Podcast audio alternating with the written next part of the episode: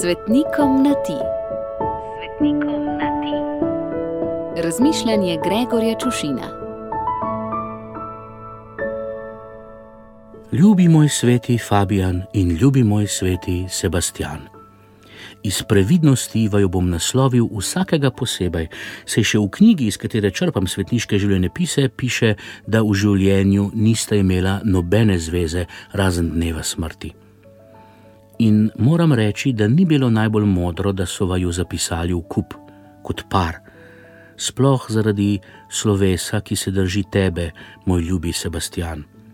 Kaj ti kipari in slikari so te skozi vso zgodovino upodabljali kot prelepega mladeniča, zelo pomankljivo oblečenega, če ne kar golega.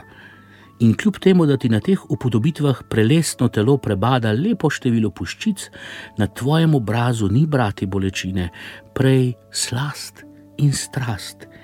In ni čudnega, da so te za svojega vzeli tisti, ki se tudi sicer najraje držijo svojega, če me razumeš, in žal mislim, da me in te prav nič ne krivim in se ti opravičujem.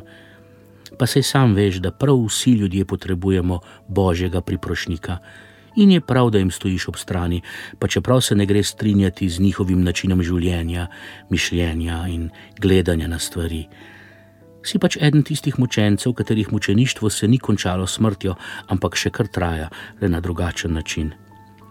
In tudi ni na ključje, da si priprošnik zopr nalezljive bolezni in bom tu končal s to temo, preden bom klican na zagovor.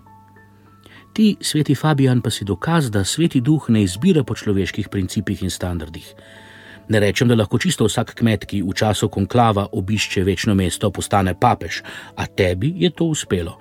Pa se je ne, da si si prizadeval, bil si izbran in si vdano sprejel človeško, predvsem pa božjo odločitev. Zdravo kmečko pametjo si uredil in vodil zaupano ti službo.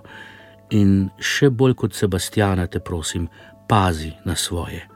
Bodi jim zvest in dober priprošnik. Izprosi svojim pastirskim, teološko izobraženim naslednikom na škofovskih stolčkih zdravo kmečko pamet.